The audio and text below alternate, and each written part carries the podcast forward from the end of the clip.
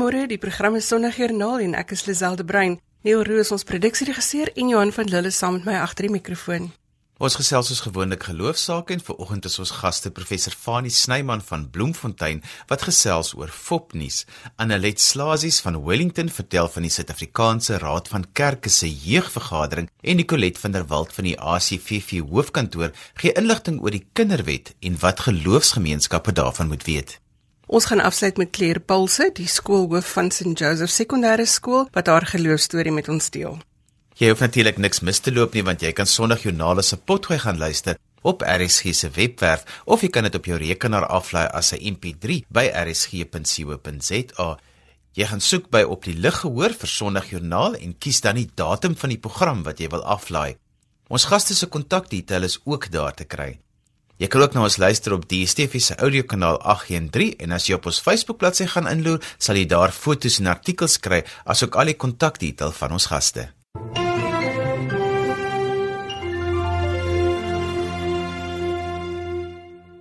Professor Fanny Snyman is dekaan van die fakulteit teologie en religie van die Universiteit van die Vrystaat en vanoggend gesels ons oor fopnuus en hoe dit met die 9de gebod van geen valse getuienis teenoor mekaar staan. Goeiemôre professor. Goeiemôre Lisel en goeiemôre aan die luisteraars. Fopnuus is deesdae in die orde van die dag. Hoe gemaak? Wat is fopnuus? Lisel, ek dink daar is verskeie definisies wat 'n mens van fopnuus kan gee, maar die omskrywing waarmee ek werk is dat fopnuus het te doen met 'n wanvoorstelling van feite tot so 'n mate dat dit wat aangebied word as nuus inderwaarheid nie klop met wat regtig gebeur het nie. Wanneer dit gebeur, het 'n mens te doen met fopnuus. Het die Bybel vir ons iets te sê oor die nuwe verskynsel van fopnuus? Ek het nagedink oor hierdie eie tydse nuwe begrip van fopnuus of in Engels fake news en toe skiet dit my ewe skielik te binne. Ons het 'n eeue oue stel van lewensreëls. Ons noem dit die 10 gebooie. Ons lees dit in Eksodus 20 en ewe skielik as 'n mens dit lees dan dan kom 'n mens agter die 10 gebooie is nog eintlik heel relevant vir ons dag.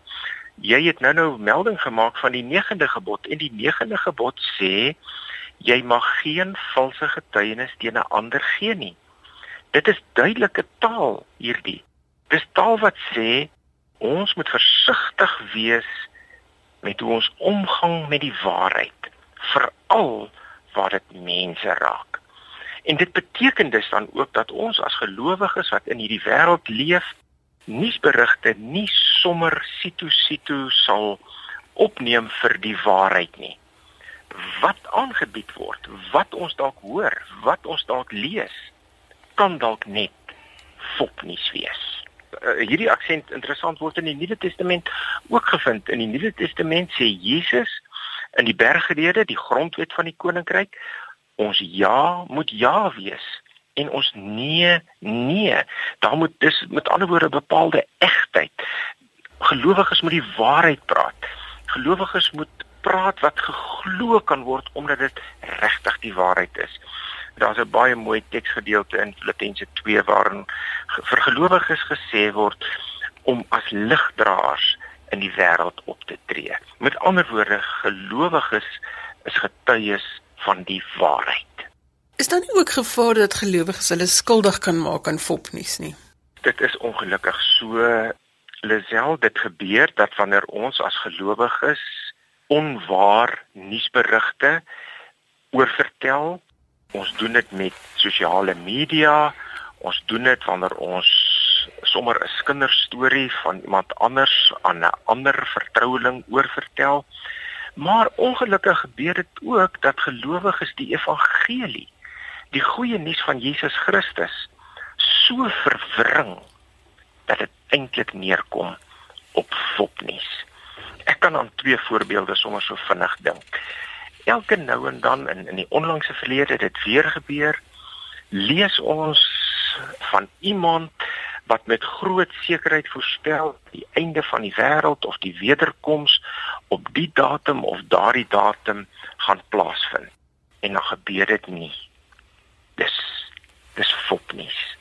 Of 'n ander voorbeeld gelowiges, miskien goed bedoeld sal sê omdat die in die ramp myne oorgekom het, is dit duidelik God se straf vir die of daardie sonde wat ek gedoen het of nog nie bely het nie.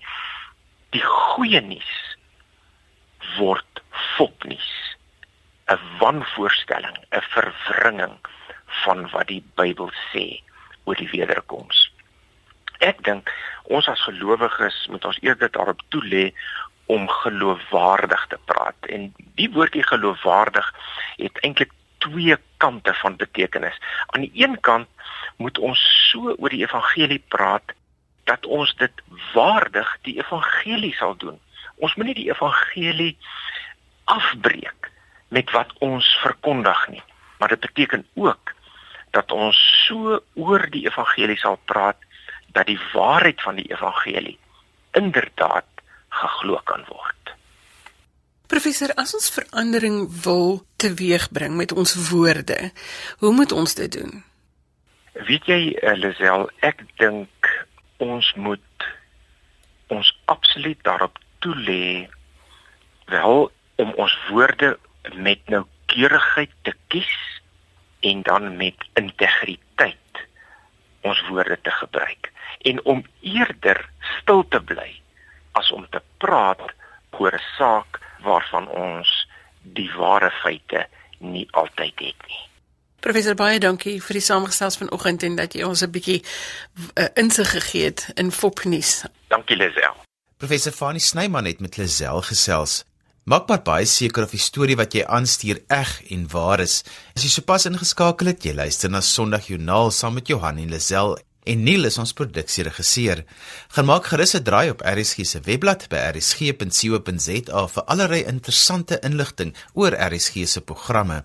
Jy kan ook gaan aansluit by ons sosiale media gemeenskap op Facebook, like ons bladsy daar en al ons programinligting is ook daar gelaai. Dominee Annelie Slaas is van Weddington vertel vanoggend vir ons oor haar ervaring by die onlangse Suid-Afrikaanse Raad van Kerke se jeugbediening vergadering. Sy is van die Weddington Oosgemeente waar sy verantwoordelik is vir die jeugbediening. Goeiemôre Annelie. Goeiemôre Lisel. Vertel vir ons van die Suid-Afrikaanse Raad van Kerke vergadering. Hoekom was jy daar gewees? So hierdie vergadering se uit en uit doel was om jeug betrokke te kry en veral gemik op die ouderdom van 15 tot 25. En nie net om mense in hoë ouer leierskapsposisies nie, maar regtig mense wat betrokke is op voetsoolvlak. So daar was klomp mense um, tussen die ouderdom van 15 en 25 wat dan nou leierskapsposisies beklee in hierdie verskillende denominasies maar ook mense wat met daardie ouderdomsgroep werk. Sodat ons kan hoor wat is die probleme waarmee die jeug in Suid-Afrika eintlik mee sukkel en dit nie net van swaal van bo af kom en mense uitdink wat dink hulle is waarmee jeug sukkel nie, maar dat die jeug self vorentoe kom en sê wat is die probleme wat ons mee sukkel. Die Suid-Afrikaanse Raad van Kerke is nou kerke uit Afrika, FGK, almal bymekaar. Ja, almal bymekaar. Hoe het die verskil gelyk? Is die uitdagings dieselfde? Weet jy, ek dink ons het so half gefokus op vyf pilare in Suid-Afrika wat ons gedink het 'n probleem in Suid-Afrikaanse konteks is. En ek dink ehm um, hoe dit deur gedink is, is dit baie van toepassing op elke gemeente in Suid-Afrika. Byvoorbeeld om ehm um, te leer hoe om te genees en te versoen. Dis tog van toepassing op elke liewe gemeente, dalk net bietjie anders. So die groot verskil eintlik was die die strukture hoe die kerke werk. Baie Afrika kerke werk dat jy in leierskapsposisies aangestel moet word en dis dan eers 'n invloed het. Vir ons in die ehm um, enige kerk werk meer met 'n plat struktuur. Daar's nie mense as sulks in leierskapsposisies wat die besluite neem nie. Ons bemagtig gemeentelede en dit was bietjie vir ons 'n aanpassing en ook om dit oor te dra aan ander gemeentes ander denominasies om vir hulle te sê luister, ons het nie 'n paar groot koppe wat die besluite neem nie. Gemeentes neem self die besluite. Kyk wat is probleme binne in hulle gemeenskap en dan voer ons dit uit alhoewel ons almal so half deurgangs um, met mekaar in kommunikasie bly en deurgangs half net hoor is ons nog so half in lyn met wat uh, die groter probleem in die groter NG Kerk is. Jy het nou gepraat van die vyf pilare. Wil jy dit met ons deel? Ja, graag. So dit het uh, my nogals baie inspireer en ook so half uitgedaag om verder te dink oor waarmee is ons besig in ons gemeenskap. So hierdie pilare sluit aan by die #TheSouthAfricaWePrayFor beweging. So die eerste pilaar is genesing en versoening. Ons weet dit is tog 'n groot kwessie in Suid-Afrika. Dan is dit die herstel van familiewaardes. Iets waarmee ek dink enige gesin in Suid-Afrika mee sukkel. Die uitwissing van armoede en ongeregtigheid dan is dit 'n um, ekonomiese transformasie wat soof nogal 'n breë term is, maar dit is ook ons wil baie graag fokus om jong mense te bemagtig om te dink oor die ekonomie, verantwoordelikheid te neem met hulle eie finansies, sodat hulle soof in die toekoms 'n volwaardige lidmaat van die samelewing kan wees. En dan die die laaste een is soof bietjie meer polities gerig om optredes te bevorder wat demokrasie veranker en nie net so half 'n um, 'n autokratiese 'n gemeenskap vorm nie. En hulle het jy nou gepraat van om jong mense te verantwoordelik te maak vir die ekonomie, maar ek dink daai ding strek wyer as net die ekonomie om jong mense te leer om net eenvoudig self probleme op te los. Presies, ja. Oor al die vlakke heen. Ja, ja. Hoe maklik is dit om hierdie mense gemobiliseer te kry, hierdie jong mense om te begin dink dat ek die oplossing is vir die toekoms? Ja, dit is die groot uitdaging, veral omdat ons in ons tradisionele gemeentes die nominasies werk met 'n baie groot leierskapstruktuur. Die leiers sê wat moet gebeur en die jong mense volg. Dit is die groot uitdaging. So bo op hierdie vyf pilare het ons ses doelwitte waar ons dan nou mee wil werk wat spesifiek gefokus is op die jeug. En meeste van hulle is om veilige ruimtes te skep vir kenners op gebiede jong mense bemagtig om dinge te kan doen. So dit is een van ons veilige ruimtes. Alles maak ons het gepraat oor sê nou maar ehm um, geslagsgeweld of om ehm um, onderwysgeleenthede te skep, maar alles het neergekom om op veilige ruimtes waar jong mense veilig voel, waar hulle voel hulle het 'n stem, waar hulle voel hulle het iets om by te dra om sulke ruimtes te skep. So dit is inderdaad die groot uitdaging. Jy het gepraat van mense weer bymekaar trek hmm. in veilige ruimtes. Ek dink mens kan dit nie genoeg beklemtoon dat 'n gesin eintlik 'n plek is wat 'n veilige ruimte moet wees nie. As 'n jong meisie swanger is, moet sy nie te bang wees vir haar ma of haar pa om vir hulle te gaan sê nie. Dit ja. moet die eerste plek wees waar sy kan gaan baie baie waar. En ook veral omdat die familiestrukture so anderster is teenoor ons dink nog baie wanneer ons in teorie dink oor families of gesinne dink jy aan jou stereotypiese ma pa twee kinders, maar veral um, in die meer informele gemeenskappe kom dit dat daar baie mense in een gesin woon van verskillende agtergronde en verskillende kulturele agtergronde en dis waar die waardeverskille inkom. En hoe ons dan nou met daai familiewaardes wat ons wil opbou ook jong mense bemagtig om terug te gaan na hulle so of hulle kulturele wortels te gaan uitvind hoe werk goeders van wat hoe my ouma hulle gedink het of sê maar my oupa wat uit 'n ander stam uitkom hoe hulle gedink het dat jy verstaan hoekom mense op 'n sekere manier reageer. Maar dan op die ou end en dit was vir my so half ook 'n aha moment dat ons fokus op ons identiteit wat eintlik in Christus is. En dit is waar ons familiewaardes moet ontstaan. Nie uit ons Pedi of Tswana of Afrikaanse kultuur nie. Dit vorm ons ons denke in Swan, maar dat ons identiteit ons almal wat in Jesus glo dat dit in Christus is. Dit is so mooi gesê. Ek weet nie of ek verder vir jou nog iets wil vra nie. Ek dink ons kan die onderhoud sommer net daar afsluit. Jou eie geloofslewe, wanneer jy met hierdie jong mense werk, hoe ja. inspireer dit jou? Hoe verander dit jou denke? As jy met al hierdie goed en met hierdie kinders besig is. O, oh, dit is so ek raak sommer ek kry soms so hoendervleis want dit maak my verskriklik opgewonde. Ek het net nou die dag gepraat met ouers. Ek werk meestal met die heel kleintjies en dat daar net nog geen voorkeure of pretensie of enige iets soos dit is nie. Dis net egtheid wat by hierdie jong klomp kom ek kry die kinders Sondag byvoorbeeld nie stil om te bid nie. As ek vra wie wil bid, dan steek daar 30 kindertjies hulle hand op en ons moet nou maar vir hierdie uur lank bid. Want dit is net nog so opreg en dit is wat my inspireer soos wanneer het geloof net so of deel geraak van ons status of iets wat ons doen. En dit is wat ek dink ons by die kinders kan leer dat ons Christendom iets opreg moet wees. Iets wat ons net kan uitleef nie om 'n show voor te gee of om vir mense te wys hoe goed ons is nie, maar net omdat ons vir Jesus lief is. Annelie, baie dankie dat jy vanoggend 'n bietjie van jou lewe wêreld met ons gedeel het en dat ons by jou kon leer vanoggend. Dankie. Lisel was 'n gesprek met Annelie Slasies van die Wellington Oosgemeente oor die Suid-Afrikaanse Raad van Kerke se jeugvergadering. As jy sopas ingeskakel het, sê ons goeiemôre. Jy luister na Sondagjoernaal saam met Johan en Lisel. Nicolet van der Walt is die nasionale bestuurder van kinderbeskerming by die hoofkantoor van die ACVV en ons gesels vanoggend oor wat gemeentes en gelowiges moet weet oor hulle kinderbediening wanneer dit kom by die beskerming van die kinders in hulle sorg. Goeiemôre Nicolet. Goeiemôre Lisel. Nicolet gemeentes reg oor die land het kinderbedienings. Hulle hou sonnaskoolpiknik en verskeie ander byeenkomste vir jong mense. Maar wanneer dit kom by die kinderwet, is daar sekere bepalinge wat in plek moet wees vir mense wat met kinders werk. Ja, die kinderwet is in baie duidelik, veral in terme van wat die wet sê, the duty to report, die mense wat moet, wat verplig is om sekere of dit ons werk so in Engels, wat is die Afrikaans, 'n um, doelbewuste verwaarlosing en dan kindermishandeling aan te meld.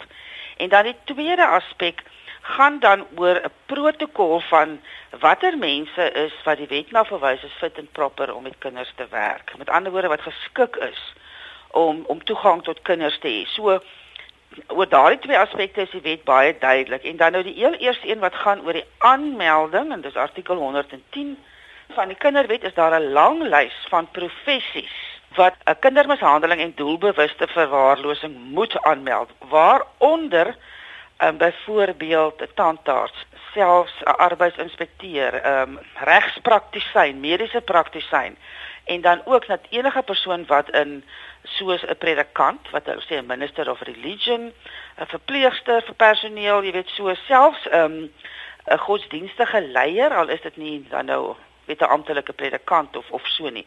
So daar's 'n lang lys van persone en mense wat toegang het tot kinders wat enige vermoedens van kindermishandeling en doelbewuste nalatigheid moet aanmeld. En hulle is baie spesifiek oor terme van wat moet gebeur en dan ook sê die wet ook in die in die tweede een enige persoon wat op 'n redelike grond glo dat 'n kind mishandel of doelbewus verwaarloos word, kan dit aanmeld. Hulle meld dit aan by die departement maatskaplike ontwikkeling of wat die wet na verwys 'n designated child protection organisasie of dan die daar's nie regtig 'n term in Afrikaans omdat die wet net eintlik in Engels geskryf het maar dit sou wees 'n aangewese kinderbeskermingsorganisasie soos die ACVV soos CMR soos um, kindersorg Ehm um, ek dink in Gauteng so die SAVF, jy weet in, in en ook in, in KwaZulu-Natal so dit moet aangemeld word en dan is daar prosedures so wat die maatskaplike werkers dan moet doen. so dit is die een aspek is die om om aan te meld. Dit is ook nie net die kinderwet nie.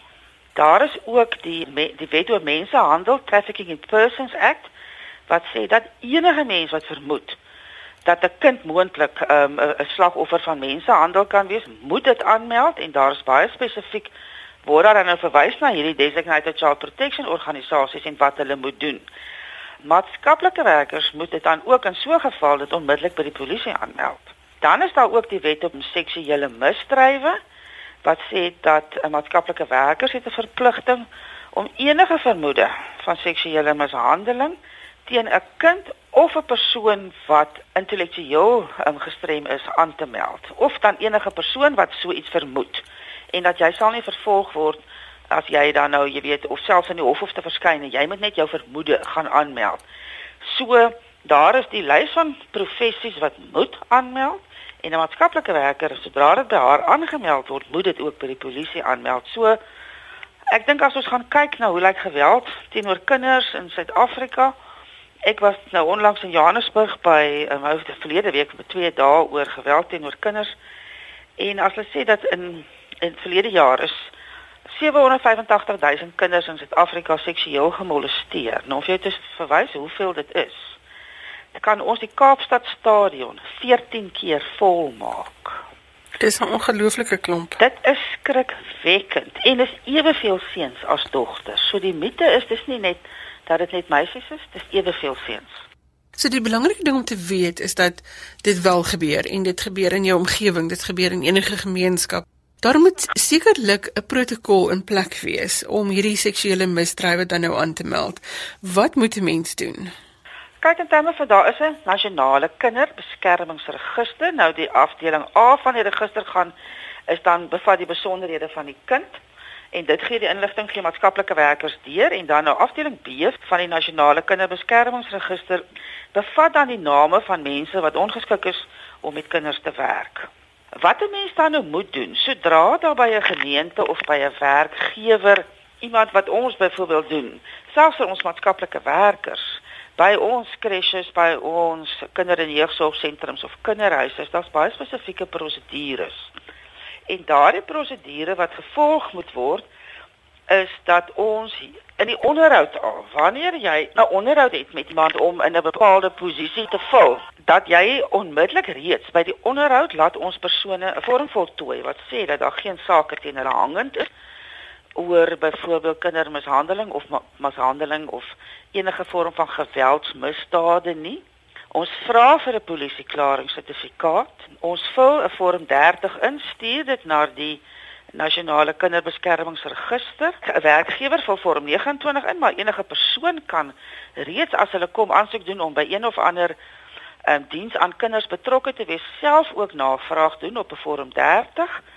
En hierdie is die basiese vereistes, ook in terme van die um, wet op seksuele misdade.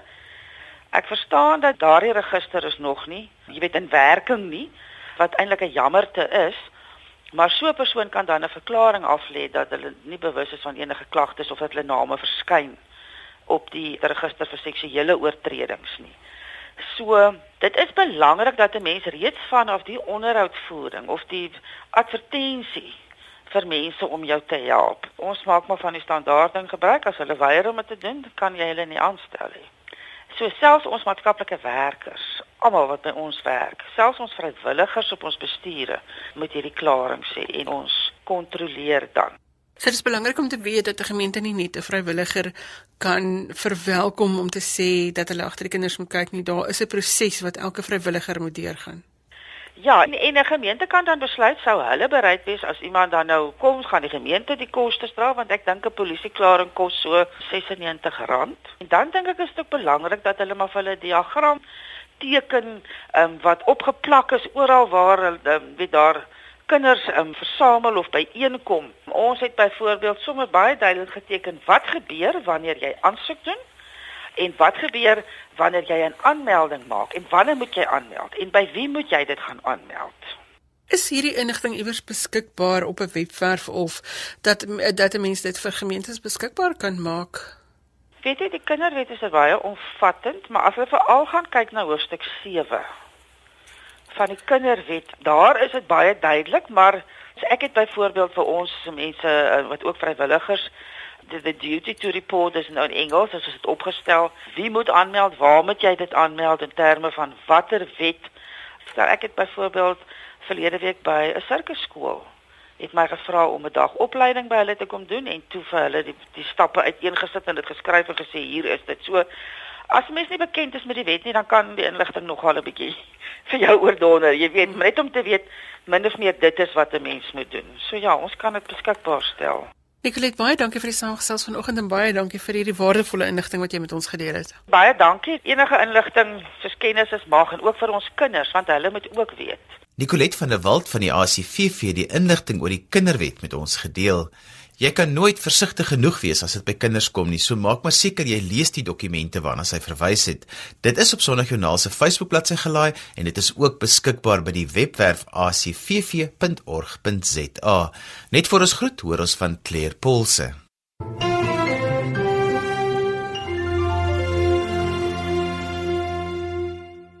Claire Pulse is skoolhoof van St Joseph Laerskool op die Kaapse vlakte en vanoggend deel sy met ons haar pad wat sy sy aan sy stap met God se pad vir haar lewe. Goeiemôre Claire. Goeiemôre Lisel. Claire, vir jou is dit 'n roeping om die lot van die kinders in jou sorg te verlig en hulle 'n veilige tuis te gee. Vertel vir ons van jou werk. Baie dankie Lisel. Ja, ehm um, absolute roeping. Dis meer as 'n plek waar ehm um, ek 'n salaris verdien, maar definitief 'n plek waar ek soveel vervulling kry om te doen dit wat God van my verlang om te doen. En uh ja, ek is die uh, prinsipaal van die skool en ek eer die Here vir die voorreg om in hierdie hoedanigheid te dien.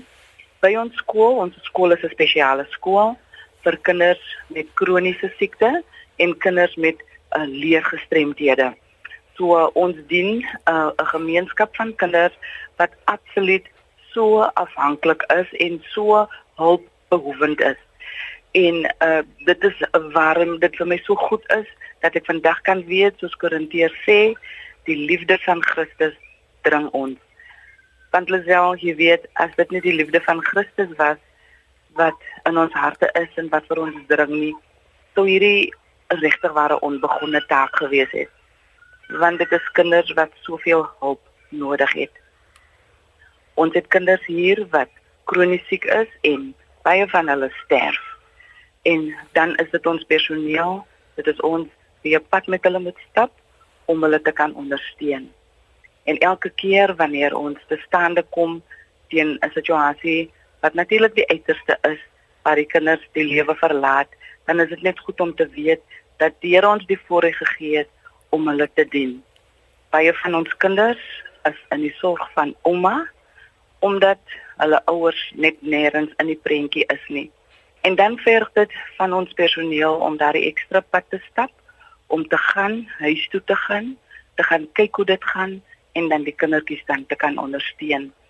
Ons vind ook baie van hierdie kinders het nie om te eet tuis nie en dan spring ons personeel weer in en daar word kospakkies gemaak vir omtrent 50 van ons uh, kindertjies wat buite ons skool bly want ons het ook die hospitaal aan ons skool en daardie kinders kan ten minste een keer 'n week met 'n pakkie kos huis toe gaan en ons personeel is so toegewyd enige uitdaging wat ons in die oë staar sien hulle kans hoor en doen hulle absoluut net hulle beste.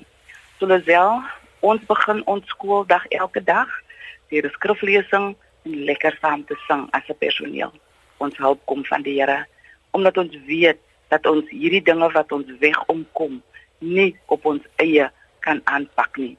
Ons kindertjies is hierdie tipe kind wat uh baie baie graag by die skool wil wees.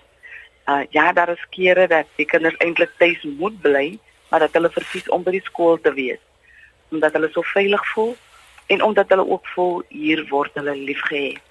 So ons kinders word absoluut goed na gekyk en hier wil ek eerlikwaar ons onderwysers, ons terapeute, ons klasassistente, ons bestuurders baie dankie sê vir hulle hulp want op my eie sou ek nooit hierdie skool kon bestuur en ons kindertjies so goed kon versorg het nie.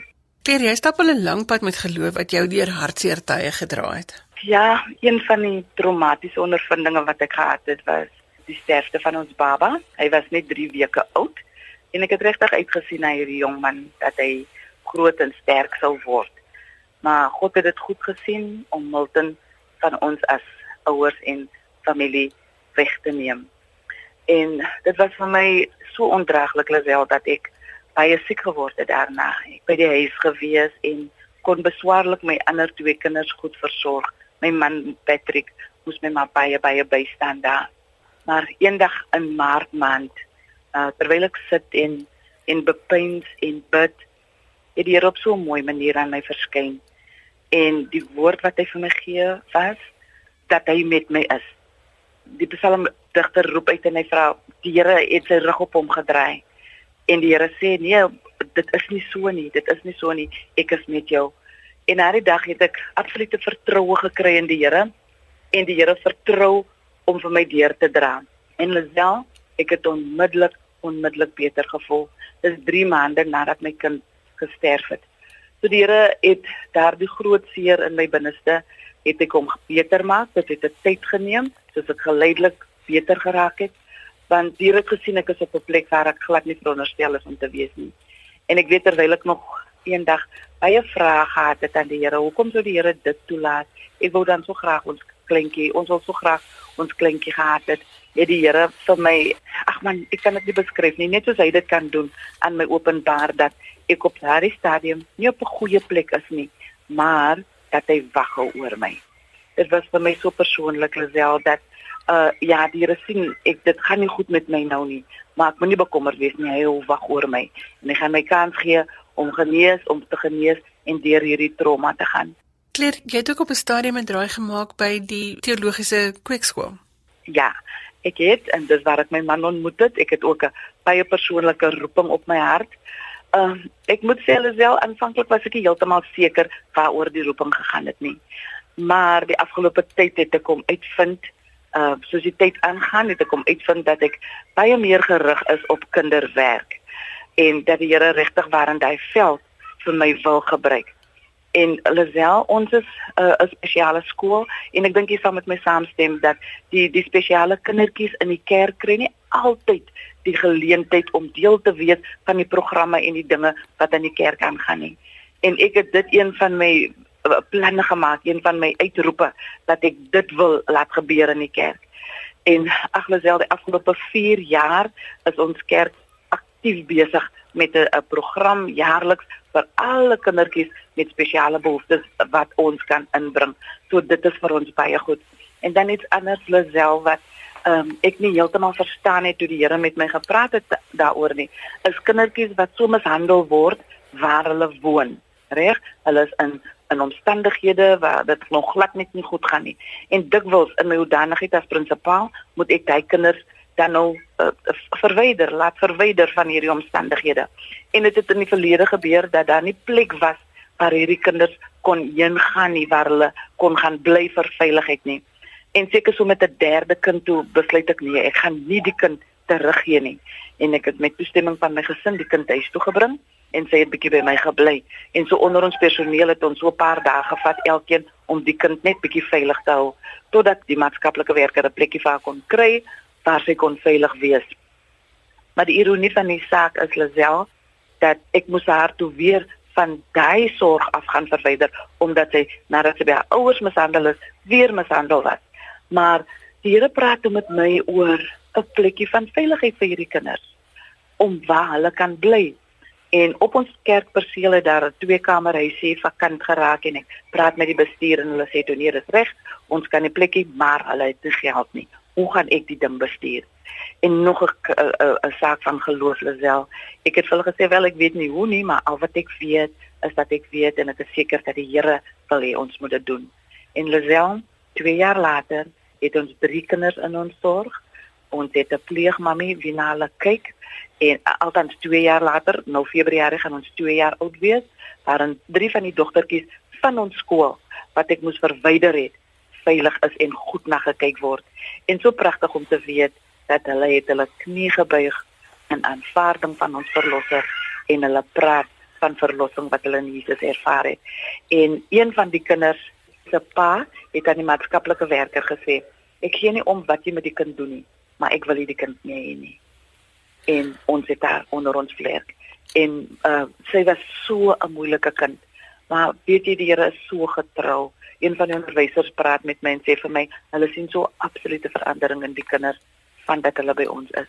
So ek is so dankbaar hulle wel dat die Here my daai voorreg gegee het en dit gaan goed met hulle en my gebed is dat ons sal uitbrei dat die Here vir ons sal voorsien vir 'n groter plek van daar so baie navraag maar ons het nie plek om meer kindertjies by ons te vat nie.